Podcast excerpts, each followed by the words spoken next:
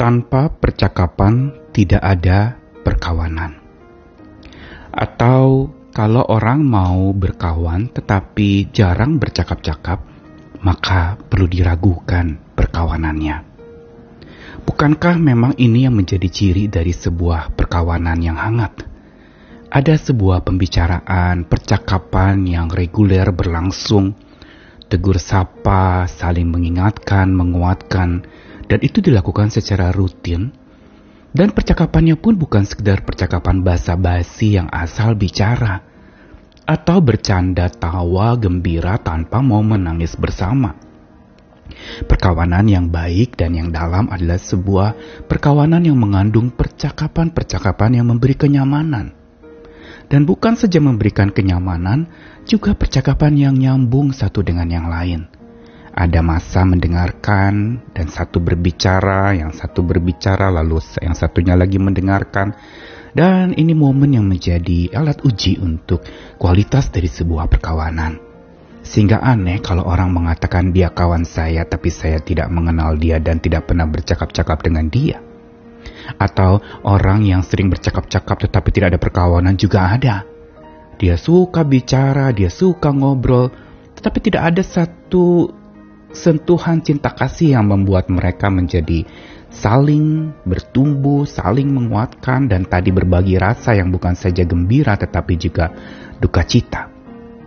Karenanya betapa pentingnya untuk kita membangun sebuah kebiasaan percakapan di dalam sebuah perkawanan. Karena makin sering bercakap, maka akan makin tidak ada jarak, makin hangat hubungan makin dekat. Tetapi jarang bercakap-cakap, makin berjaraklah hubungan seseorang dengan temannya. Saya Nikolas Kurniawan menemani lagi di dalam Sabda Tuhan dari dua kisah yang di dalamnya mengandung sebuah pengingatan buat kita. Pertama dari kejadian pasal 33 ayat 4 sampai 5 antara Esau dengan saudaranya Yakub. Tetapi Esau berlari mendapatkan dia atau Yakub. Didekapnya dia, dipeluk lehernya dan diciumnya dia. Lalu bertangis-tangisanlah mereka. Kemudian Esau melayangkan pandangnya, dilihatnya lah perempuan-perempuan dan anak-anak itu. Lalu ia bertanya, siapakah orang-orang yang beserta engkau itu? Jawab Yakub, anak-anak yang telah dikaruniakan Allah kepada hambamu ini. Lalu satu lagi dari kejadian pasal 45 ayat 15 masih berkaitan dengan Esau dan Yakub kali ini anaknya Yakub yaitu Yusuf dengan saudara-saudaranya. Kejadian 45 ayat 15, Yusuf mencium semua saudaranya itu dengan mesra dan ia menangis sambil memeluk mereka. Sesudah itu barulah saudara-saudaranya bercakap-cakap dengan dia. Dua kisah atau dua cuplikan dari dua kisah di dalam perjanjian lama tadi di kitab kejadian mau memberitahukan kepada kita tentang satu benang merah yang senada. Yang pertama adalah Esau dan Yakub, dua kakak beradik yang bermusuhan. Ada konflik yang cukup besar di antara mereka. Yakub yang mencuri hak kesulungan Esau. Lalu Yakub juga menipu Esau dengan berpura-pura menjadi Esau dan dia mendapat berkat dari ayahnya sementara Esau kehilangan berkat itu. Dan ini menjadi musuh bebuyutan dan cukup lama mereka diam-diaman, tidak ada percakapan, makin berjaga jarak satu dengan yang lain dan bahkan Esau mengancam ingin membunuh saudaranya Yakub.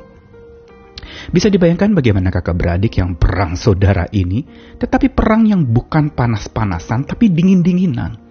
Menjaga jarak jauh karena takut Inilah yang sebenarnya sering terjadi bukan? Di dalam sebuah konflik hubungan yang sedang retak, biasanya memang menjadi satu hubungan yang penuh dengan ketakutan, yang saling tidak mau jumpa, yang saling menjaga jarak, dan merasa bahwa tidak ada lagi sebuah hubungan perkawanan di antara itu. Lalu kemudian di dalam kisah berikutnya, di dalam Esau dan Yakub ini, kita akan melihat bagaimana peristiwa berdamainya mereka yang selama ini mereka bungkam, tidak bicara, tidak ada percakapan, tapi saat itu menjadi momen yang begitu penting di mana perkawanan mereka, persaudaraan mereka, hubungan mereka terpulihkan. Digambarkan bagaimana Esau berlari mendapatkan Yakub, didekapnya dia, dipeluk lehernya, diciumnya dia, lalu bertangis-tangisanlah mereka. Ini menjadi momen yang ibaratnya tadinya penuh dengan kebencian diubah oleh Tuhan menjadi penuh dengan cinta kasih, tangis-tangisan, maaf-maafan. Dan lalu dikatakan, mulailah setelah mereka bertangis-tangisan mengungkapkan rasa, maka percakapan pun muncul. Ada ungkapan kata setelah ungkapan rasa yang mereka lakukan. Esau melayangkan pandang dilihatnya perempuan dan anak-anak itu lalu dia bertanya kepada Yakub siapa orang yang beserta engkau dan percakapan pun bergulir Yakub mengatakan itu anak-anak yang Tuhan karuniakan kepadanya. Apa yang dikisahkan di dalam bagian ini mau menegaskan tentang satu prinsip penting tentang perkawanan dan percakapan.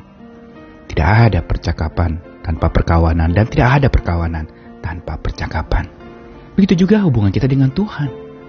Kalau kita bilang berkawan dengan Tuhan dan dia adalah kawan sejati kita tapi tidak pernah bercakap-cakap dengan dia dalam doa, tidak pernah mendengarkan suara dia dari firmannya, maka apakah itu perkawanan? Bisa jadi hanya formalitas kita menghadap Tuhan, hanya setor muka dan menganggap itu ibadah adalah sebuah kewajiban tanpa kekaripan.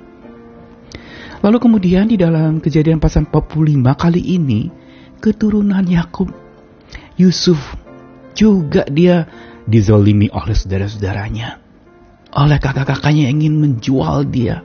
Mula-mula ingin membunuh, lalu karena seorang kakak yang tertua membela dan lalu akhirnya Yusuf dijual menjadi budak. Dan ini peristiwa yang cukup lama dan selama masa berpisahnya mereka tidak ada percakapan. Tetapi percakapan itu muncul lagi ketika peristiwa di mana akhirnya Tuhan menggiring saudara-saudaranya untuk datang menghadap Yusuf. Kali ini Yusuf sudah menjadi penguasa di Mesir. Dan digambarkan bagaimana momen berbaliknya mereka hubungan yang penuh cinta kasih tadinya tidak ada percakapan jadi muncul percakapan lagi. Diawali dengan berbagi rasa lagi Yusuf mencium semua saudaranya dengan mesra, menangis sambil memeluk mereka. Sesudah itu barulah saudara-saudara yang bercakap-cakap dengan dia. Ungkapan rasa yang diikuti dengan ungkapan kata mencairkan hubungan yang tadinya beku, yang tadinya penuh kebencian amarah, penuh dendam, penuh duka cita. Yusuf tentu saja dimusuhi oleh saudara-saudaranya itu bukan sesuatu yang baik dan nyaman buat dia. Kita lihat dua kisah ini mau beritahu kepada kita tentang betapa perkawanan dan percakapan adalah dua hal yang vital di dalam sebuah hubungan. Tanpa ada percakapan tidak ada perkawanan. Dan tidak ada perkawanan tanpa percakapan. Tidak ada persahabatan tanpa tegur sapa. Makin jarang kita bercakap-cakap. Dan makin jarang kita bertegur sapa. Makin akan berjaraklah hubungan. Dan makin terasa hampaklah hidup kita. Apakah nyaman bila ada hubungan yang sedang retak dan dingin satu dengan yang lain? Bukan saja di dalam hubungan keluarga, suami istri, orang tua, anak, kakak, beradik, mertua menantu, tetapi juga hubungan-hubungan yang lain, entah dengan rekan kerja atau dengan orang yang sama-sama kita bekerja di kantor atau di tempat-tempat lembaga di mana kita berada. Mari bangun sebuah perkawanan yang diawali dengan perkawanan sejati kita dengan Tuhan yang terus bercakap-cakap dengan Dia. Maka perkawanan kita dengan sesama pun adalah sebuah perkawanan yang berpolakan perkawanan kita dengan Tuhan yang penuh percakapan. Tuhan bercakap-cakap dengan kita lewat firman-Nya. Dan dengarkanlah itu dan kita bercakap-cakap dengan Tuhan lewat doa kita. Ungkapkanlah itu. Mari bangun sebuah kehidupan percakapan yang membuat makin kita berdekat kepada Tuhan, bukan makin berjarak. Makin terisi hidup kita, begitu sukacita, tidak ada lagi kehampaan karena ada percakapan yang membangun sebuah perkawanan. Selamat berkawan, selamat bercakap-cakap. Tuhan mengasihi kita sekalian. Amin.